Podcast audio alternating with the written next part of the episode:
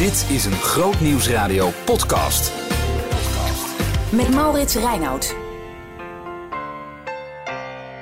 Week 11 bij Groot Nieuws Radio en in jouw agenda waarschijnlijk ook. Welkom bij de wekelijkse podcast van Groot Nieuws Radio. Het is het weekje wel hè, gestemd. Hoop ik tenminste, want ja, dat is je democratisch recht. Of je bent helemaal teleurgesteld in de politiek en ehm, je stemt niet, dat kan natuurlijk ook. Maar hoe dan ook, er zijn veel stemmen uitgebracht. Meer dan 80% was de opkomst van, uh, van deze Tweede Kamerverkiezingen. En we weten inmiddels ook wat de uitslag is. En er gaat geformeerd worden. Maar hoe werkt eigenlijk een formatie?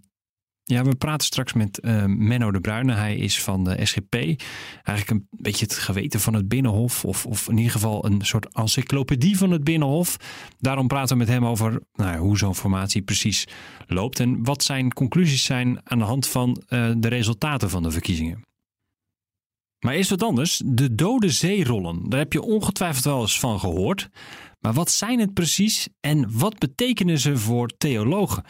Wat uh, leren wij ervan over de Bijbel die we zo vaak lezen? Nou, er zijn nieuwe uh, stukjes van dode zeerollen gevonden. En toen ik dat zag, dacht ik, daar moeten we het bij Groot Nieuws Radio maar eens even over hebben. Uh, dus praten we met een kenner van het Oude Testament en ook van de oude zeerollen, Koen van Beckham. Um, nou, het belang ervan is eigenlijk dat we tot eind jaren 40, dat de, oudste handschriften van de Bijbel die we hadden, die dateerden uit, uh, uit de vroege, en, uh, vroege middeleeuwen. Mm -hmm. En, en ja, het, het, het, eerste complete handschrift van het Oude Testament dateert uit, uit 970, dat is een codex uit Aleppo. maar dus al onze Bijbelvertalingen tot dan, die waren gebaseerd op teksten die overgeleverd zijn in de Joodse en in de christelijke traditie. Steeds overgeschreven. Hè, er was nog geen boekdrukkunst. Nee. Uh, maar ja, dat vergaat. Dus uh, we hadden niet uh, echt heel oude dingen. En nu konden we ineens, zeker voor een heel aantal oud-testamentische teksten, konden we vergelijken of de versie die wij hebben, ehm, hoe die was in de tijd van Jezus. Of dat er ongeveer hetzelfde uitzag. En, en was ja, het ook bleek zo? In, dat ble, ja, dat bleek inderdaad. Je hebt, er zijn wel verschillen, maar in, in, zeg maar, als je naar het geheel kijkt, dan is de overeenkomst echt heel treffend. Ja. ja. U bent er helemaal enthousiast door, merk ik. Dat vind ik zo leuk om te horen. Ja, dat is een vondst. Uh, dat, dat die vondst is gedaan, dat van die herder. Dat is een verhaal van die, van die Bedouinen. We weten eigenlijk helemaal niet precies hoe dat uh, gebeurd is. Die mensen wisten trouwens heel goed. Hè, dat, want het, het dook helemaal in stukjes op op de, op de markt. Het begon ook met een advertentie in de New York Times. Waarbij iets, ja, fragmenten werden aangeboden. Omdat in het begin kenners zeiden, ja, dat kan helemaal zo oud niet zijn. Hè? Ja. Dus het kwam vrij snel in Jeruzalem terecht bij mensen die uh, daar veel verstand van hebben, maar die, die, ja, die zaten er in het begin gewoon naast. Ja. Uh, en, en ja, en daarna zijn ze dus uh, gaan zoeken. En wat er dus deze week uh, gebeurd is, is dat er uh, sinds 2015, want ja, het is toch een grote zoektocht naar een schat. Hè? Dus wat er steeds gebeurt, is dat er of snippers op de op de markt ineens opduiken, waarvan je niet, dan niet weet of ze vervalst zijn of echt. Dat moet dan worden uitgezocht. Oh, ja, ja, ja. Um, en het, en uh, ja, um, hè, dus er zijn, zijn rovers die daar, uh, daar hun gang gaan. En om dat hele proces te stoppen, heeft de Israëlische autoriteit voor oudheden, die heeft in 2015 een heel groot project gestart om al die grotten nog eens helemaal uit te komen. Nou, daar is in 2015 zijn dus de snippers gevonden. Mhm. Daar is jaren op gestudeerd en van de week is dus bekend geworden nou, dat dat is gelukt destijds en wat er dan op staat. Ja, nou hebben die rollen 2000 jaar in een grot gelegen en zijn dus niet allemaal meer compleet. Um, uh, we hadden het net over de recente fonds hè, van enkele snippers. Dan denk ik, ja, wat, wat hebben we aan die hele kleine stukjes dan? Nou, dit is wel echt een interessant geval. Um, het heeft dus mee te maken dat uh, in de tijd uh, na Jezus, hè, dus 70 na Christus, is de tempel verwoest. Maar die opstand in, um, in Juda, die was al een aantal jaren aan de gang. Uh, dus de Romeinen die, die kwamen. Dus mensen sloegen op de vlucht, zoals wij dat in onze tijd ook kennen. Ja. En er was ook een soort kloostergemeenschap in Qumran. daarin, dat is een heel onherbergzaam gebied met grotten. Uh, vlak ja, het, is, het, ligt een stukje boven de Dode Zee. Het is langs de Dode Zee, maar je moet dan flink klimmen om daar uh, te komen. Um, en in dat gebied, omdat de Romeinen daar moeilijk konden komen, daar zijn dus een hoop mensen naartoe gevlucht. En je kunt je voorstellen dat ze dan ook hun meest kostbare bezittingen meenamen. Dus er was Ah, een ja. bibliotheek waarschijnlijk daar in Qumran. En die is toen de Romeinen echt daar kwamen verstopt in die grotten. Zo van, nou, we, we, we zien nu wel hoe we het overleven en dan later komen we het weer ophalen. Ehm, en dat is later, dus toen is Qumran ook verwoest en zo. Maar later zijn de Joden weer in opstand gekomen in 135 na Christus. En toen zijn ze weer om de- naar dat gebied gega- gegaan. En die rol die nu gevonden is, dat is wel interessant. Een heleboel Joden kenden natuurlijk ook geen Hebreeuws meer. Nee. Eh, dus eh, is er op een gegeven moment is het, het Oude Testament vertaald in het Grieks. En deze rol bevat dus een Griekse vertaling ehm, van de twaalf kleine profeten. En hier Ah. dus een fr- fragmentjes zijn er nu gevonden van eh, Zacharia en Nahum. En in de jaren 50 zijn in diezelfde grot andere snippers gevonden, ook in het Grieks, van eh, het boek Micha. Dus nou ja, het vermoeden is nu dat dat gewoon dezelfde rol is. Het is ook hetzelfde schrift. En het bijzondere is ook dat zodra je dan ja, eh, zeg maar de naam van de Heer leest, de, de, de vier letters, ehm, dat dat dan niet in het Grieks staat, maar in, eh, in het Oud-Hebreeuws. Zelfs niet in het Hebreeuws van die tijd, maar in een soort eh, ja, oud, ouder schrift, zeg maar Ja, ja. staat dat dan genoteerd in die. Dus dat is heel interessant om te zien. eh, Oké, er was dus die Griekse vertaling. Er zijn mensen in de tweede eeuw na Christus die dat ding in huis hebben. En dan komen de Romeinen en dan slaan ze op de vlucht. ja, het is een, het is En een nemen mooi... ze dat mee en dan Ja. leggen ze dat in een grot. Ja, het klinkt In heel logisch. Ja. Ja. Ehm, ten slotte nog dit. Het is een grote vondst waar nog waar heel lang onderzoek naar gedaan zal worden. En wat, wat springt er wat, eh, wat u betreft uit als je naar al die teksten en fragmenten kijkt? Wat, wat springt er dan voor u uit? Nou, je ziet eigenlijk een ontwikkeling in het onderzoek. Hè. Die eerste jaren gingen eigenlijk heel erg over: oké, in welke mate matcht het nu met eh, de Bijbel? Ehm, eh, hè, van hoe betrouwbaar is die Bijbel die wij lezen? Dat was natuurlijk de achterliggende vraag. Inmiddels is het onderzoek eigenlijk een heel stuk verder gegaan en daardoor wordt het nog veel interessanter. Er zijn ook nog allerlei andere geschriften gevonden. Het geeft ons eigenlijk toch een inkijkje van hoe het Jodendom was in de tijd dat Jezus eh, in, ehm, ja, in, in Galilea en Jeruzalem eh, rondliep. En dat hij in gesprek was met fariseeën en schriftgeleerden. En ja, dat is, het is een, zoals ook in, in onze tijd, je hebt meerdere kerken en meerdere stromingen van allerlei godsdiensten. Ja, dat was daar dat was ook toen zo. ook. Ja. Je, je hebt discussies en de, en de een heeft dit geschrift en de ander weer dat. En samen hebben ze dan wel weer dingen die voor iedereen gezaghebbend zijn. Ja. Ja, en je ziet, je krijgt eigenlijk een inkijkje in dat hele palet. En dat is wel heel. eh, en daar is, ja, daar is gaandeweg steeds meer onderzoek naar gedaan. En, eh, en het is heel goed om daar meer over te weten. Ook hoe men destijds, voor mij dan. Eh, hoe men destijds het Oude Testament las. Of, Ja, wat voor Jezus gewoon de Bijbel is. Samenvattend, het zijn hele kleine stukjes papier die nu zijn gevonden, maar ze zijn echt van onschatbare waarde, Nee, zou je kunnen zeggen. Ze zijn van leer en papyrus, maar de meeste zijn van leer. En de meeste is ook vergaan. En eng, ja, een aantal rollen zijn helemaal, maar ja, inderdaad, ze zijn, eh, het is een enorme schat die, eh, die gevonden is. En het is heel fijn als er dan weer nieuwe ja, elementen aan kunnen worden toegevoegd. Ook al is het een enorme puzzel om dan uit te zoeken hoe dat weer allemaal Ja. in elkaar eh, moet worden gelegd. Ja, nou weten we iets meer over de dode zeerollen. Ik zei net oude zeerollen, maar dat klopt natuurlijk niet. De dode zeerollen waarvan een nieuw stukje gevonden is. Grootnieuwsradio podcast. Met Maurits Reinoud. Dan nu even naar het Binnenhof. Want wat kan je allemaal zeggen over de verkiezingen als eh, de uitslag al even geleden is en eh, je misschien deze podcast luistert op het moment dat de formatie al bijna rond is? Hoe werkt zo'n formatie nou eigenlijk? Daarover praten we met SGP'er Menno de Bruyne, werkt op het Binnenhof en is toch wel een beetje de encyclopedie. De menselijke encyclopedie die daar rondloopt. Sprak met eh, Laurens in Laurens Lunchroom. Onder andere over de vraag wat nou het meest is opgevallen aan de resultaten van de verkiezingen. Nou ja, laat ik eh, beginnen eh, met ja, wat toch het meest opvallend is. En dan heb ik het niet zozeer over de SGP, maar, maar meer breder.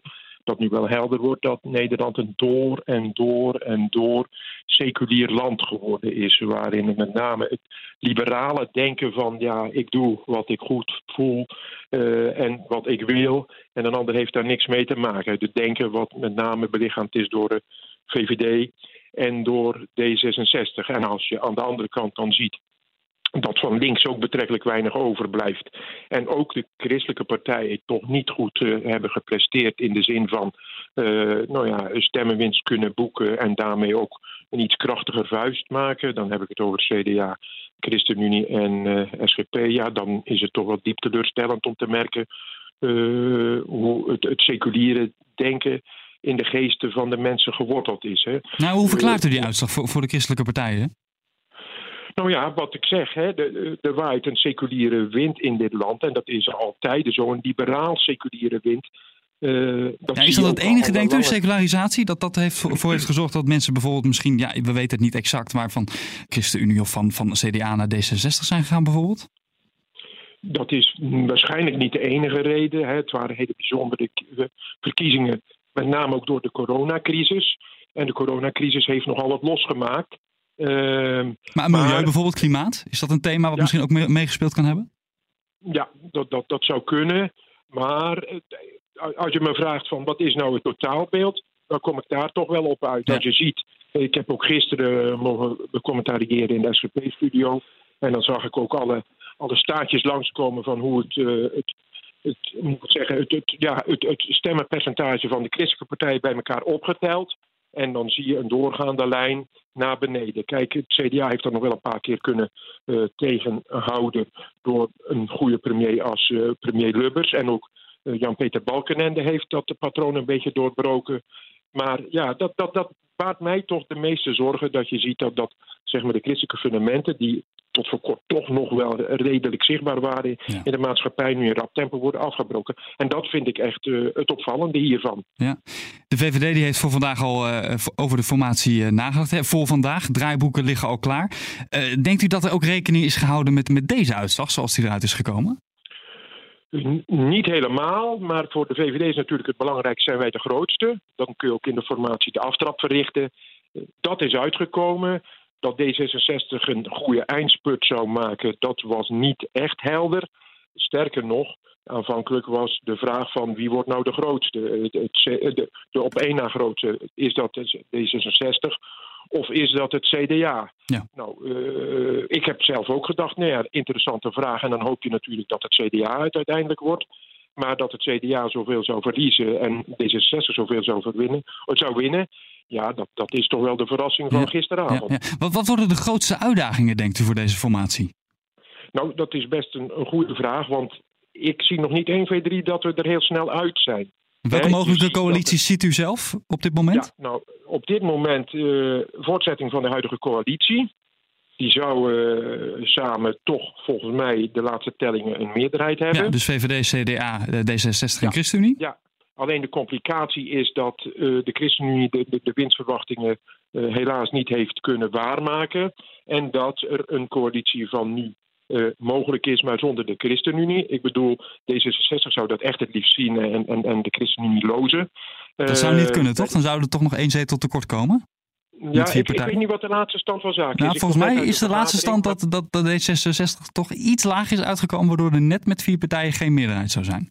Oké, okay, nou ja, dat, dat zou op zich mooi zijn. Dan zou de huidige coalitie voort kunnen zetten.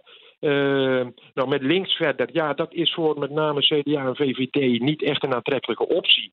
Omdat dat voor hun kiezers nou niet de, de mensen zijn waar zij het liefst mee zouden willen samenwerken. Met name voor VVD'ers niet natuurlijk. Met GroenLinks en met de SP en de PvdA. Hoewel de PvdA uh, soms wat redelijker lijkt te zijn. Nou, en over rechts kun je ook niks beginnen, want daar zit de PVV die uh, buitenspel is gezet, maar daar ook zelf behoorlijk aan heeft meegewerkt. Uh, Forum voor Democratie lijkt me ook vrij makkelijk. Die hebben zich ook uh, buitenspel gezet, als het ware. Nou, dan, dan kun je nog kijken naar nieuwkomers als jaar 21, om maar eens wat te noemen. Mm -hmm. Maar dat zetten we niet voldoende zoden aan de tijd. Dus dat wordt een hele puzzel. Ja. En dat was vorige keer natuurlijk ook. Hè. Nou, inderdaad, ja. 225 dagen heeft dat toen uh, geduurd. Hè. Ik uh, hoor Alexander Pechtold van D66 nog zeggen: formeren is dineren. Nou ja, Rutte die wil nu vanwege de coronacrisis dus niet te veel rustig dineren, lijkt het. Hè. Hij wil vooral snel te werk gaan. Is dat ja, inderdaad ja. verstandig, denkt u? Of is het een manier om de formatie een beetje in het voordeel van de VVD te laten uitpakken? Ik denk het wel, hè, dat de VVD gewonnen heeft. He, heeft, twee, heeft drie redenen. En de belangrijkste daarvan is Mark Rutte. Hoe dan ook, mensen buiten zijn partij ook vinden hem een, een geschikte leider in deze tijd. van crisis en van forse tegenstellingen in de maatschappij. En hij heeft dat bewezen en heeft zichzelf natuurlijk ook iedere keer een goed podium verschaft door die persconferenties over corona. Hij doet dat als geen ander. Is een van de beste communicators die ik op het Binnenhof heb meegemaakt. Dus kijk, de VVD uh, die gaat goede sier maken met Mark Rutte. En dat zie je dan ook in dat voorstel wat hij even heeft gedaan, maar wat door de anderen. Maar is het verstandig, denkt u, om nu zo snel te willen? Nee, ik denk dat het uiteindelijk uh, niet zal lukken. Om de eenvoudige reden dat de anderen zeggen: ja, is allemaal leuk en aardig. Maar wij willen ook wel zekerheid hebben. En we willen ook wel afspraken over andere dingen. En het kabinet heeft ook bewezen, ook in demissionaire staat, in feite alles te kunnen doen wat ze maar willen doen, mits de Tweede Kamer daar dan maar mee instemt. Ja, dat dus was inderdaad mijn volgende vraag. Ja. Want dat, dat blijft gewoon de staat. Het kabinet blijft demissionair, zolang er dus nog niet een nieuwe eh, coalitie gevormd is. Dus in principe, dat, dat betekent dus uh, voor, voor crisismanagement van corona bijvoorbeeld dat het gewoon door kan gaan zoals het afgelopen tijd is gegaan. Ja, ja, nee, en het kabinet is al langer demissionair sinds de val van het kabinet over de toeslagenaffaire. Precies. Vroeger was het nog wel zo dat een kabinet zich dan nog wel even inhield omdat ze zeiden, nou ja, laten we niet, zo, werd het dan genoemd, over ons graf heen regeren. Uh, maar ik heb in de loop van de jaren dat ik hier rondloop wel gemerkt dat, laat ik het zeggen, het rekening houden met minderheden tijdens een demissionaire fase van een kabinet, dat dat eigenlijk niet heel veel meer voorstelt. In feite is het altijd de meerderheid die zegt, we willen het of we willen het niet. En nogmaals, toen ik begon werd er echt met een kleine minderheid rekening gehouden. Nou, die partij wil iets liever niet, nou dan doen we het ook niet. Maar dat is weggeëpt. Ja. En nog even over wat u eerder in dit gesprek zei over uh, nou ja, de christelijke geest die een beetje uit de politiek weggaat volgens u. Hè? Veel christenen die dus niet meer op een christelijke partij stemmen. Uh, er komen wel wat reacties op binnen. Bijvoorbeeld Margie die zegt, ja volgens mij stemmen lang niet alle geloven op een christelijke partij. Dat hoeft toch ook helemaal niet per se? Dat klopt. Uh, alleen ik heb het wel over de klassiek christelijke leer en de klassiek christelijke benadering van vraagstukken die spelen. Hm. Natuurlijk, eh, in allerlei eh, partijen vind je mensen eh, die zich christelijk noemen en bijvoorbeeld naar een kerk gaan of een keer een kaarsje opsteken. Maar ja, daar heb ik dan zelf wel een, een, een definitie bij die toch wat anders luidt dan die van de grote doorsnee. Ja. Fractievoorlichter Menno de Bruin, dank u wel voor uw tijd. En uh, ja, de verheldering ook over wat we de aankomende tijd uh, kunnen verwachten wat betreft uh, de formatie. Ehm, ja, bedankt en, en werk ze vandaag, denk ik. Ja, dankjewel. Ik ga vooral uitrusten vanmiddag. Ja, dat kan ik me voorstellen. Mooie dag vandaag. Ja, dan hadden we toch even een rechtgeaarde SGP'er aan de lijn. En mooi om zijn duiding even te horen bij het nieuws over de verkiezingen en de formatie. Leuk dat je luistert naar deze podcast. Um, ja, we hebben er eigenlijk nog veel meer. Zoals de preek van de week. Als iemand zeven keer aan je vraagt: blijf bij me, blijf bij me, blijf alsjeblieft bij me. Wil je bij me blijven? Zeven keer. Wat betekent dat dan? Ja, het antwoord op die vraag hoor je aanstaande zondag. Om 11 uur staat hij online. Preek van de week, Ron van der Spoel. Thema Blijf in mij. Uit Johannes 15 komt, uh, komt dat thema. Als je de preek gewoon uh, wil horen, een uh, lineaire programmering, zoals wij dat noemen bij Groot Nieuws Radio, dan moet je luisteren naar Groot Nieuws Radio op zondagochtend om 10 uur. De hele kerkdienst en het napraten over de preek, dat zit daar ook nog bij in, in dat programma. Dan hoor je mij in gesprek met Ron van der Spoel dus. Maar de podcast vind je op, uh, nou ja, waar vind je de podcast allemaal? Behoefte aan meer? Grootnieuwsradio.nl slash podcast.